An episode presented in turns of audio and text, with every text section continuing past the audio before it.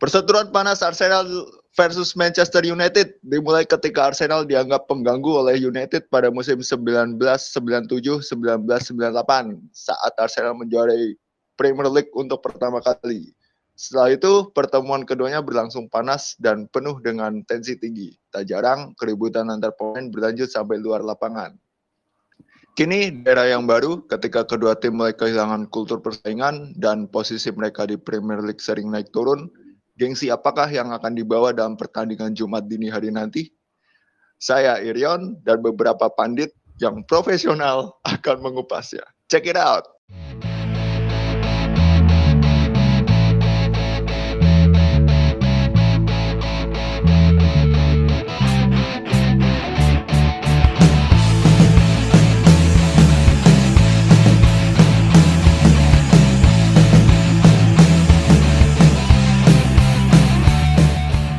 Halo semua, balik lagi ke dinding kamar kali ini di pot di poster Bentar, bola. bentar, ini dinding, ini dinding kamar.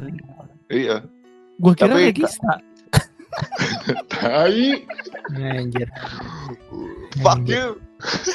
Ada regista, ada box to box. Ntar gue bikin advance playmaker dah. Atau enggak ini rom router. Oh ya, Ron Butur. Kalau enggak The Playing Playmaker. Iya di playing playmaker doang. Aduh. Gila. Oke, halo semua, balik lagi ke dinding kamar podcast. Kali ini di poster bola episode 2 ya. Hmm. Eh, kali ini gue bakal ngobrolin tentang Arsenal versus MU bareng teman-teman gue. Silahkan perkenalan diri dulu kayak. Silakan teman-teman memperkenalkan diri. Dari siapa nih? Awin lu, Oh, Awin, iya, Awin. Oh, iya, lu dulu. Pakai pakai Jiko boleh ya? Jiko Kas JKT48. Ya udah, dulu aja man, lu dulu man. Ya udah.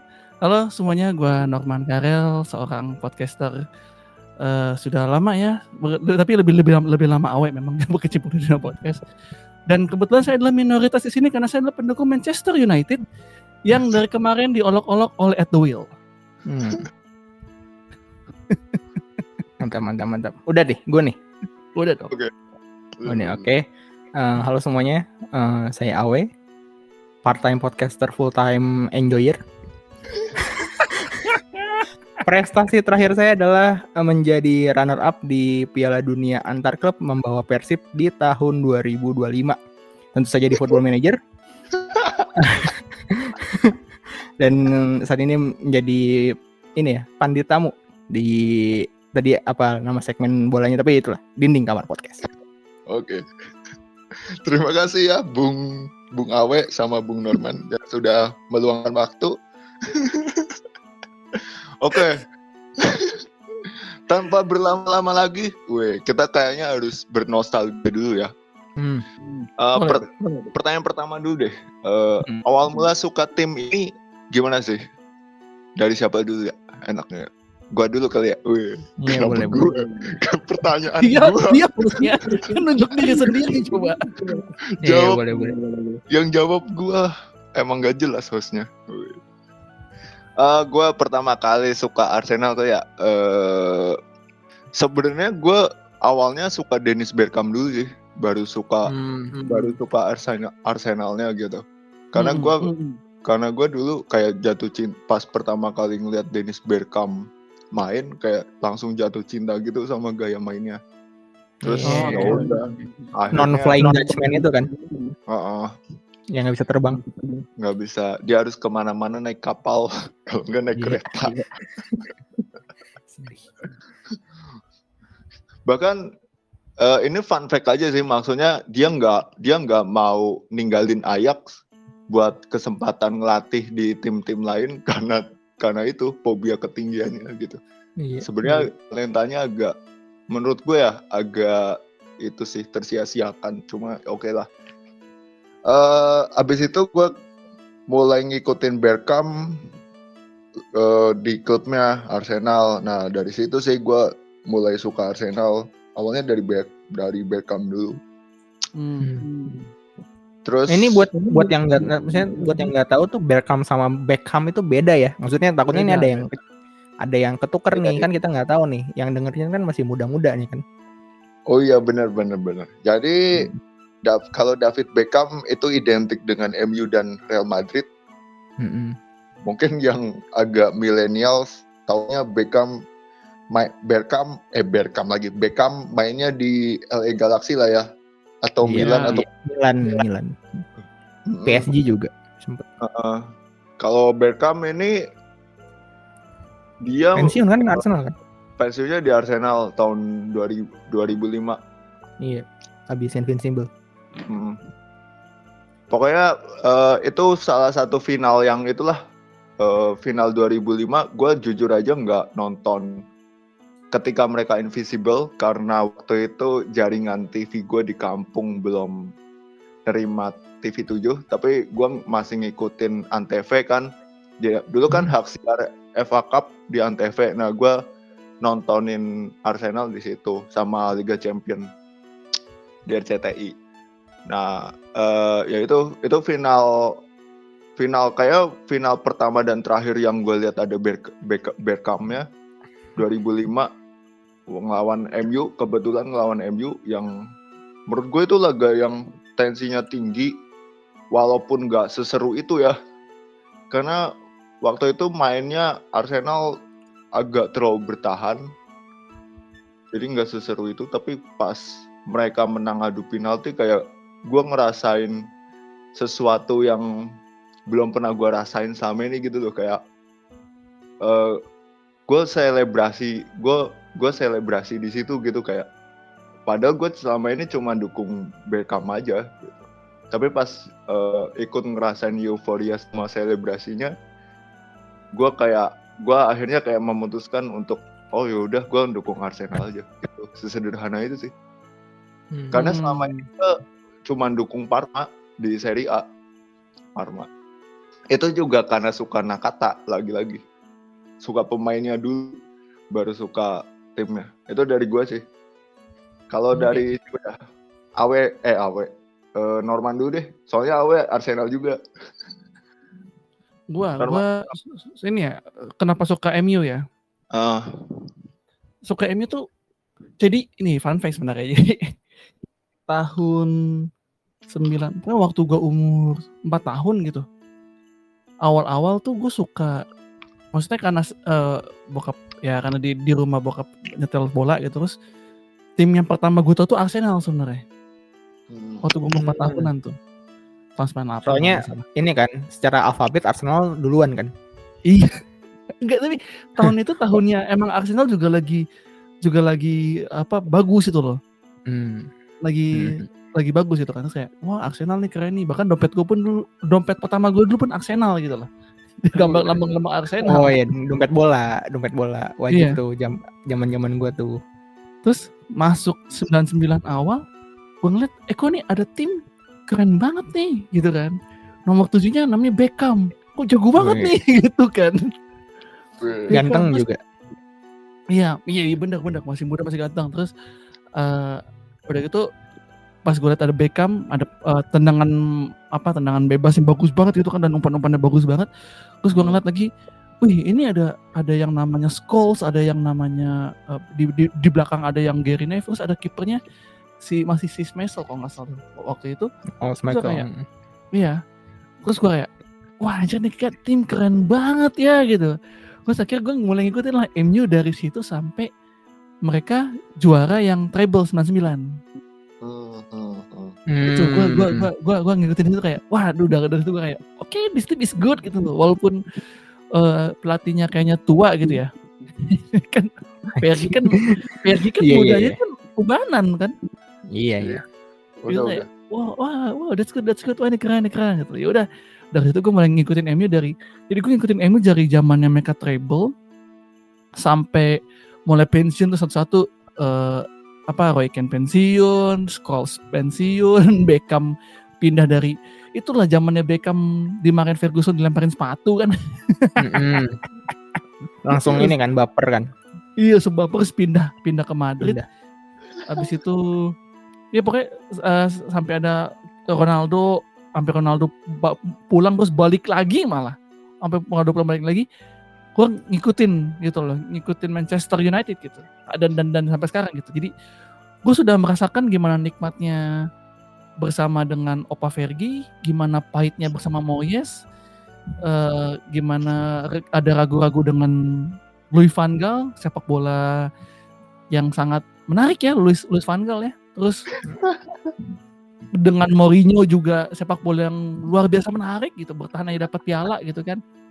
Dan sepak bola bersama Ole, lege, ya bersepak bola dengan legenda dengan yang sangat kaya taktik dan eh, ini ya un- unbeatable away ya. Jadi Unbeatable away. walaupun terbantai terbantai juga ujungnya.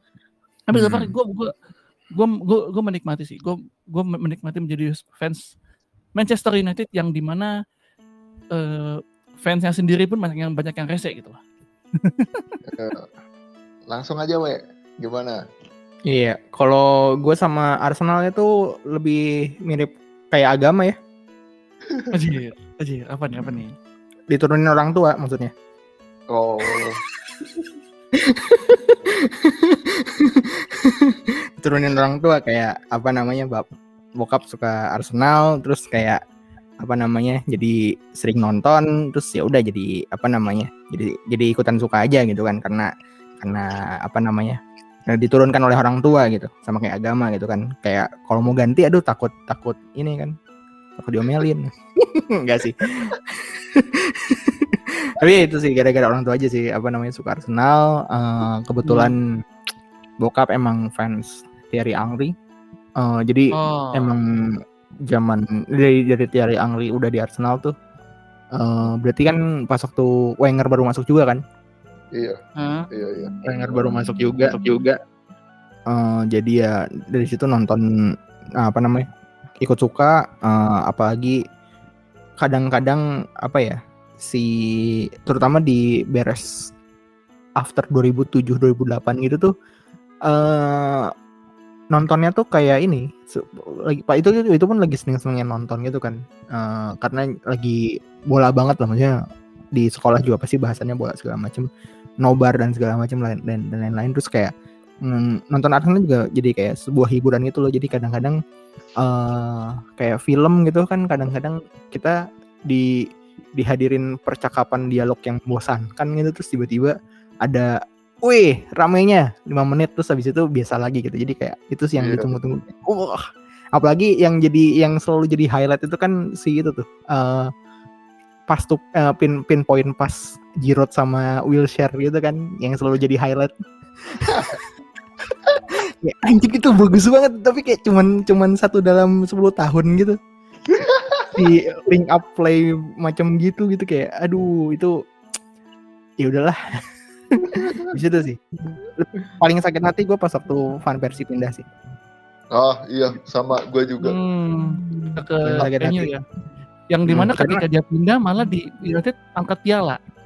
Iya. iya betul dengan ini kan sesuai dengan nomor punggungnya juga kan 20 kan Iya, 20 pas. Premier League ke 20 fuck gitu soalnya gue kayak waktu waktu sebelum-sebelum itu kan Van Persie kan rentan cedera banget kan gitu Iya, betul, betul. gitu Betul. tapi gue main main di PES main di FM tuh Van Persie tuh jago gitu jadi gue tuh kayak nunggu-nunggu ini kapan nih Van Persie ini bisa bisa apa namanya menjadi pahlawan gitu kan. Terus akhirnya jadi pahlawan kan 2011 2012 kan.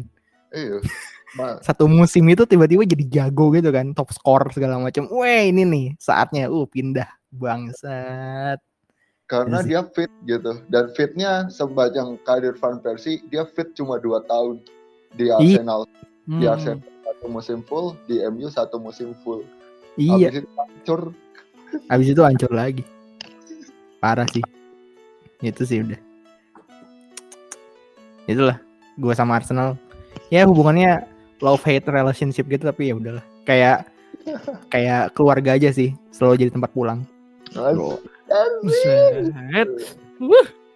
Tapi ngomong-ngomong soal Van Persie Hmm. momen, momen paling sakitnya bukan pas dia pindah sih. Oke pas dia pindah sakit. Iya. Pas pas tan eh pas laga kedua pas di home di Old Trafford. Dia Iya, selebrasi. Yang dia pas Iya. dia selebrasi itu kayak wah anjir sakit hati banget gue itu. Iya kan pas laga pertama dia nggak selebrasi kan?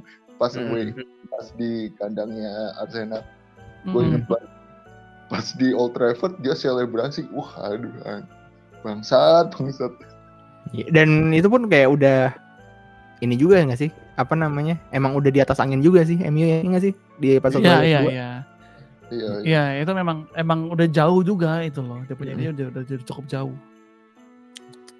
gitu loh.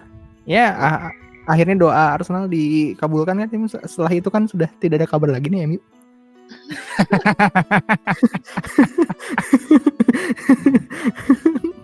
Kalau misal pepatah mengatakan karma is real. tapi kan Iya iya iya. ya karma is real sih soalnya abis Ferguson kayak itu kayak kado terindah untuk Ferguson untuk yang terakhir kali sih Iya, betul. Iya betul betul betul. abis itu Betul. hancur MU hancur Karena Oke. karena abis itu MU nggak tahu nggak tahu mau dibawa ke mana gitu loh. Karena aduh ini kalau mau pembahasan lebihnya squad peninggalan Ferguson adalah adalah squad ini kan. Squad apa namanya? Apa? Eh, apa Ya. sih namanya? 10 detik lagi. 9 Eh, 8 squad tua, squad tua. 7. Itu Oh squad ya, squad tua. iya sih, Ya, ini sekarang juga udah udah sisa udah maksudnya Carrick aja udah jadi ini kan caretaker kan. Ya, betul Terakhir- betul. Jadi makanya tadi gue Iya. bilang karena karena skuadnya skuad tua dan cuman Ferguson yang tahu nih yang tahu cara mainin mereka. Mm-mm. Jadi agak gimana ya? Agak agak susah gitu. Bahkan Moyes pun datengin cuman Fellaini gitu kan yang di mana tidak Iya, pengaruh iya. banyak gitu. eh tapi Iya. tapi Sir Alex waktu itu ninggalin satu wonderkid yang sangat mendunia loh man Yanu Jaja atau Cikarito. bukan Maceda Waduh. waduh. Waduh, waduh, waduh, waduh, Wih, waduh, kalau waduh, di waduh, FM waduh, dia waduh. bakal jadi pemain sukses loh kalau di FM Iya, Pernah, iya. pernah, Kalau di FM memang ini, pernah. emang alternate universe yang yang fana. Topis. Alternate universe yang fana. ya kira-kira itulah. Gue sama Ya, gitu. Arsenal. tapi apa ya maksudnya kalau untuk pergantian ya eh, menurut gue ya Hmm, eh, Arsenal lebih sukses untuk suksesor ya maksudnya hmm. ketika Arsene Wenger ninggalin squad ketika dia pergi sama Sir Alex gua rasa Hmm. Arsene Wenger lebih sukses gitu buat gue. Hmm, i- iya karena memang kebiasaan Wenger juga nggak sih beli pemainnya yang yang maksudnya masih yang punya yang jangka panjang gitu. Iya. Kayak yang apa namanya baru bisa dipetik-petik kesuksesannya tuh eh, empat tahun setelahnya gitu. yang di mana setelah itu pemainnya udah nggak betah di Arsenal gitu loh. Iya betul gitu. Makanya eh, selalu terjadi pada saat ada sebuah seorang pemain pindah dari Ar- Arsenal. Biasanya dia dapat trofi biasanya. iya iya Bahkan Kalau yang sampai gue ke lihat Lord, Lord Banner aja tuh dapat trofi gitu di Juventus. Ah, iya makanya kalau lihat-lihat memang Wenger itu tahun-tahun terakhirnya di Arsenal tuh dia lebih milih untuk menstabilkan keuangan Arsenal tau gak sih? Iya memang memang. Semenjak inilah, semenjak stadion sebenarnya sih. iya Semenjak ya, udah, ya, ya, betul. apa namanya rencana bikin Emirates Emirates Stadium tuh udah udah jarang gitu. Kayak misalnya pembelian kayak sebelumnya gitu kan Arsenal Arsene Wenger masuk kan Angri join terus juga banyak mau beli-beli apa namanya lumayan inilah eh, antara skuad tua dan skuad mudanya tuh emang cukup berimbang tapi setelah eh, si Emirates Stadium dibikin kan rata-rata yang pasti ngambil either pemain yang muda banget dan harus Hmm. di loan dulu gitu nggak bisa langsung jadi starting atau pemain-pemain Asia yang yang ya kita tidak tahu dia siapa juga gitu. Kalau kata- itu contoh. Kalau kata coach itu ya, kalau kata coach pemain ini, pemain bulu tangkis. Iya, bulu tangkis. tapi serius maksudnya Arsenal ketika ma- beli pemain Asia nggak bak nggak kepake baru Tomiyasu aja ini kan Tomiyasu ini Iya. kayak Mali gitu loh Iya. kalau di tangan Wenger siapa sih pemain pemain Rio Miyachi, Chuyong. Chuyong, Park Chuyong itu di AS Monaco waktu itu lagi bagus-bagusnya loh. Iya. Gak di. Arsenal nggak ini, nggak jalan. Pilih camak yang dimainin malah camak Frederick Camak. Camat.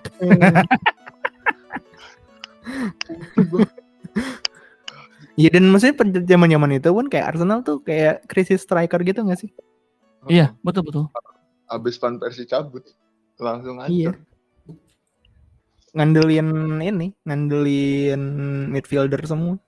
Ka- Katorla, eh siapa lagi sih? Sanchez. Itu maksudnya nggak nggak ada striker murni yang bisa diandelin lagi gitu. Sampai akhirnya sekarang ada Abdur ya, Abdur Arsyad, Aduh, Abdul Arsyad, Abdul Arsyad gak sih? Aubameyang. Aubameyang, Aubameyang. Aubameyang aja udah habis gue kesel banget kemarin nih tinggal nyeplosin bola doang kayak gitu kena tiang ya Allah habis sudah Aubameyang Duh, kesel oke Itu. kita saatnya melampiaskan kekesalan dengan prediksi-prediksi Wih, menurut kalian Oke. gak ada bridgingan ya kacau banget bridgingannya Nggak apa-apa, nggak apa-apa. prediksi kalian eh, gimana jalan pertandingan bakal kayak gimana sih? Secara culture ya, maksudnya secara ya terserah lah. Soalnya kita udah nggak bisa ngarepin Arsenal yang Arsenal MU yang setensinya tinggi dulu kayak dulu gitu loh. Hmm, Kayak hmm. misal Iya betul. tiap di rolong, tiap di lorong, Roy Ken nama Vieira cekek-cekekan atau Iya. Hmm, Tendang-tendangan, pukul-pukulan kan. iya. Jadi pemain lain lagi main, mereka berdua mereka berdua main Smackdown kan. Iya. Street Fighter kayaknya. Banget dari gue ya? Gitu. Oh iya. iya. Gimana gimana? Mas? terus terus terus terus terus. terus. Ya udah. Kalau misalnya dari gue eh MU ini punya punya kecenderungan eh apa ya? Gue sih ngeliat MU tuh kayak cewek yang bosenan gitu loh. Jadi pada saat dia sudah ada di sebuah equilibrium yang sangat-sangat konsisten gitu, dia bakalan kayak apa namanya? Lah tuh down gitu loh tone down apa performanya bakalan turun dan segala macam gitu kan. Dan di saat ada sebuah suasana baru gitu kan kayak sekarang kan baru dipegang sama Carrick eh terus juga dulu juga pas waktu di diambil alih sama eh Giggs gitu kan terus juga beberapa pas waktu awal-awal. Pokoknya di masa-masa tiba-tiba ada caretaker gitu termasuk yang sama Ole juga kan jadi tiba-tiba jadi beda gitu kan jadi punya semangat baru gitu. Heeh. jadi Hmm. sih eh apa namanya hope so yang Carrick nih bisa ngambil ngambil hikmah di pas waktu pertandingan lawan Chelsea kemarin dan eh, harusnya sih MU bisa main lebih terbuka sih. Wah, gila, pandit banget gak sih? Gue ngomongnya Gila, gila, gila, gila, gila, gila, gila. kayak gitu dan dan apa namanya gue sih eh firasat gue sih MU bakal menang tapi tipis sih. Oke. Oh ya ini di Old Trafford ya? Iya. Heeh. Ini di Old Trafford juga. MU bakal menang tapi tipis. Soalnya ada kemungkinan juga Ronaldo main dari awal. Heeh, Oke. Gitu. Gimana? Kalau dari lu gimana man? Eh, gue sih ngelihat eh, United tuh sebenarnya oke kita bahas dari kekurangan dulu deh. United tuh sebenarnya kekurangannya cuman eh, cuman dua gitu. Yang pertama United nggak punya kapten. Em, yang kedua di mana United itu apa ya gue bilang ya ya. Bukan angin-anginan tapi butuh orang yang tegas gitu loh. Udah udah malah nggak punya kapten gitu kan. Terus nggak nggak nggak nggak punya pemain-pemain yang tegas ya ya ya udah gitu loh. Pasti runyam nah salah satu cara mengatasinya menurut gue pribadi adalah dengan memberikan eh, pressing yang kayak carry kayak carry pasang kemarin gitu loh. Waktu Hmm. carry apa namanya waktu carry mainin pressing kayak kemarin tuh buat buat matiin ininya Chelsea buat matiin wingernya Chelsea kan back back wingnya Chelsea. Itu tuh sebuah hal yang menarik menurut gue karena pemain-pemain tuh dipaksa untuk bekerja keras gitu loh. Hmm, hmm. mau mau mau nggak mau kerja keras gitu dan dan itu good gitu which is good gitu. Kan ya udah jadi ya gua gua pribadi memang lebih lebih suka kalau misalnya United bermain lebih pressing kayak kemarin dan lebih apa ya? Lebih menekan lebih kreatif lagi kalaupun dan ini ini, ini gue yakin ya walaupun Bruno dimatiin atau Ronaldo dimatiin at least United punya Van den Beek United punya Fred yang siap motong bola walaupun Fred juga masih terlalu pendek menurut gue ya. Dan Iwan benci Fred. Jadi butuh butuh butuh butuh butuh kayak kemarin main lawan Chelsea lah butuh butuh pressing butuh dikasih pressure lah kalau kalau MU mau menang tapi kalau ngelihat MU udah mulai mainin uh, Maguire, MU udah mulai mainin Pogba, gue nggak yakin sih bisa menang sih. Soalnya aliran bola bakal lambat banget. Oke. Okay. Ya. Iya sih. Ini dari berarti sekarang dari gue ya. Ini da, ah. uh, kalau kalian ngomongin dari sisi MU, gue bakal ngomong dari sisi Arsenal. Wuh, wuh, pandit ah, sekali. Iya. Mantap. Dasar pundit, pundit anda pundit. Oke, okay, uh, gue setuju sih sama Awe sama Norman. So, soal yaitu ketika MU dapat caretaker baru biasa semangatnya tinggi dan kemarin gue lihat emang suasananya agak beda sih suasana squad apa dan lain-lain hmm. walaupun gue masih mempertanyakan kenapa Sancho diganti di menit 65 hmm. gitu setelah dicetak gol pula uh, uh, setelah Ronaldo masuk tensi langsung turun karena semua pemain berlomba-lomba buat buat ngadumpan ke Ronaldo yang Masih Ronaldo ya. Mm. Uh, itu itu sebenarnya yang gue takutin sih. Uh, yang gue takutin lagi ketika nanti berhadapan Arsenal adalah ketika Maguire dan Pogba tidak main, kan Maguire kemarin akumulasi kartu kuning ya. Ya, iya, betul. Gue berharap sih Maguire bakal main, jadi lini belakang MU bakal hancur-hancuran.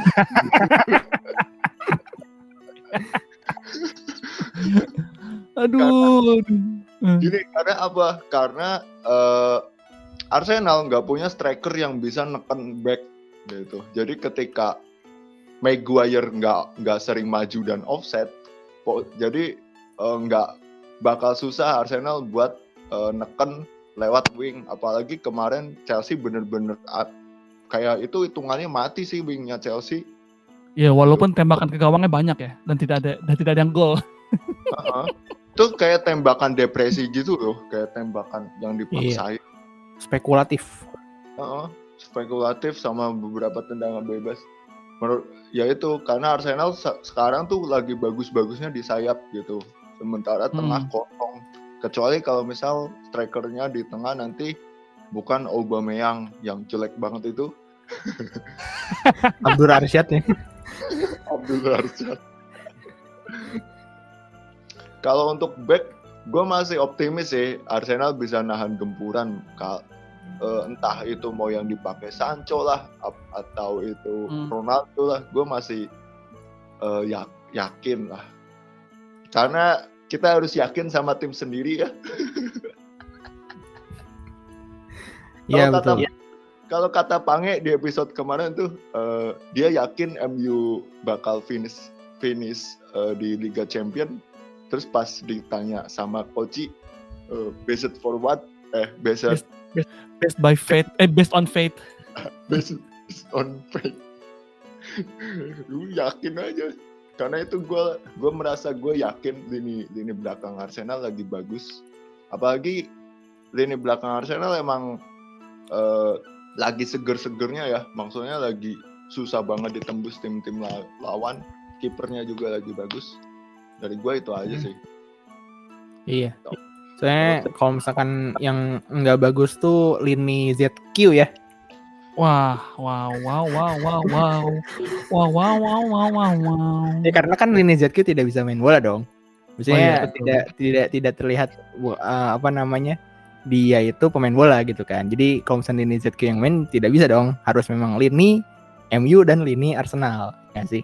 Nah, ngomong-ngomong soal ini, wih Menurut kalian prediksi line up-nya gimana? Dari, Dari MU dulu deh. Uh. Oke. Okay. Ini ngomongin apa? Ngomong-ngomongin line up kan? Iya, starting. Nah, ngomongin starting line up, gue pikir MU akan tetap formasi itu lah. Uh, formasinya mungkin akan tetap sama dengan yang kemarin digunakan ketika melawan uh, Chelsea, tapi lebih mungkin akan bukan lebih terbuka, tapi yang yang pasti MU akan tetap menggunakan Wan Bisaka, lalu tetap akan menggunakan Lindelof udah pasti. Dan satu lagi sih gue berharap sih Luke Shaw balik ya, cuman eh, melihat kayaknya dia Enggak masa cedera sih. mungkin yang diturunin cedera. Teles kali. Hmm. Teles Iya. tes diturunin dan untuk di tengah ya tetap andalannya McTom, Fred, lalu Bruno, kalau nggak Bruno Van Van den Beek gitu ya. Lalu punya Sancho tetap akan turun, Greenwood tetap eh bukan Greenwood tapi Rashford akan turun. Nah, striker ini yang gue takutin karena kalau literally Ronaldo yang main, aliran bola pasti lambat. Gue sih berharap Hmm. sih jangan Ronaldo dulu yang main, gue berharap Cavani yang main. Oh iya Cavani. Karena Cavani itu ke mana? force, force in the box kan. Dalam artian lu umpan ke dalam aja Cavani pasti nyambut gitu loh. Oh, Iya. Kalau Ronaldo Jadi- lu harus oper ke dia gitu. Iya, jadi pantulan juga kan. Iya, betul. Bisa jadi pant- pantulan buat winger kayak Sancho atau Greenwood. Betul. Ya, setidaknya iya tiga poin diamankan lah oleh United lah dengan memainkan Fred yang diterus-terusan jadi gelandang box to box ya. Yang Iya, pasti iya. terus-terusan. Iya. Backnya tetap Harry Maguire kan. The King kan. Kalau kalau Maguire main, kalau Maguire main itu Aubameyang gak usah yang gimana-gimana banget deh. Serius. Gak usah yang repot-repot banget dah. Ntar ujung-ujungnya pasti akan akan kasih bola sama Maguire. Lagi ini, Aubameyang sekarang lagi ini, lagi nazar. Kalau ya Allah, kalau nanti back MU Harry Maguire, saya berjanji saya akan rajin sholat duha gitu, puasa Senin Kamis gitu gitu. Sekarang tuh Aubameyang tuh kalau dia Islam. Aduh. Dan Ronaldo Iya. ya, we. Menurut lu gimana? Ah, misalnya menurut gua sih kayaknya line up Arsenal nggak beda jauh sama minggu lalu ya. Hmm. eh bisa dilihat dari pemilihan kiper juga Ramsdale kayaknya lagi masih jadi opsi nomor satu gitu dibandingkan si ah Leno ya Leno. Oh. Mm-mm. itu kan eh s- apa namanya si statistik mainnya juga si Ramsdale juga lagi inilah lagi lagi oke gitu kan Bagus, lagi bagus banget ya. lagi bagus-bagusnya gitu kan eh seca- apa namanya dari ritme mainnya juga kayaknya oke gitu kan dan Mm-mm. untuk formasi kayaknya sih 4-2-3-1 ya standar ya Standar. Standar kita. soalnya dari segi pemain-pemain yang available juga kayaknya paling paling make sense ya 4-2-3-1 gitu dengan si wingernya yang nusuk ke tengah terus eh, Tomiyasu Tomiyasu yang ini overlap gitu. Jadi Hmm. kayaknya sih Tomiyasu bakal main eh, buat apa namanya overlapping. Terus back tengah eh, duo Gabriel sama White Ben White juga tetap oke. Paling di sisi kirinya sih itu either apa namanya pakai Tavares yang apa namanya jadi andalan Arteta gitu kan atau mau coba rotasi ke Tierney gitu Kayaknya Tierney sih. Soalnya Tierney kemarin nggak main kan. Karena dia baru bisa jadi cedera gitu. Berharap Nah, iya, Tierney-. Hmm.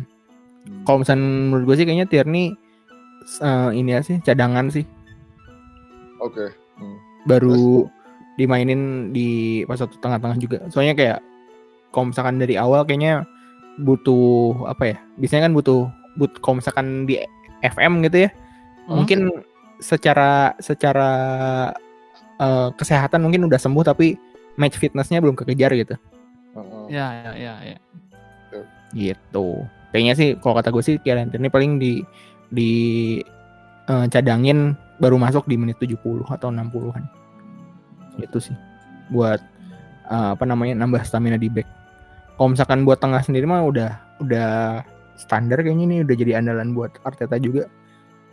Sayap kiri Smith Rowe, sayap kanan Martinelli, terus eh, second striker slash eh, apa namanya trequartista nih, Lacazette Hmm. sama ada dua ini ya dua pivot Lokonga sama Partey Mm-mm. Gitu. sama striker Aubameyang siapa lagi kalau nggak dia opsinya Kalau gue sih itu sih. Jadi di di Aubameyang udah disingkirin aja. Gak usah masuk cadangan gak perlu. Ini ya nonton di ini kursi penonton. Iya. Jadi striker antara itu Martinelli atau Lacazette. Jadi nanti di belakang di belakang striker Saka kayak apa siapa gitu. Hmm. Hmm. Odegaard Hmm. dulu gimana?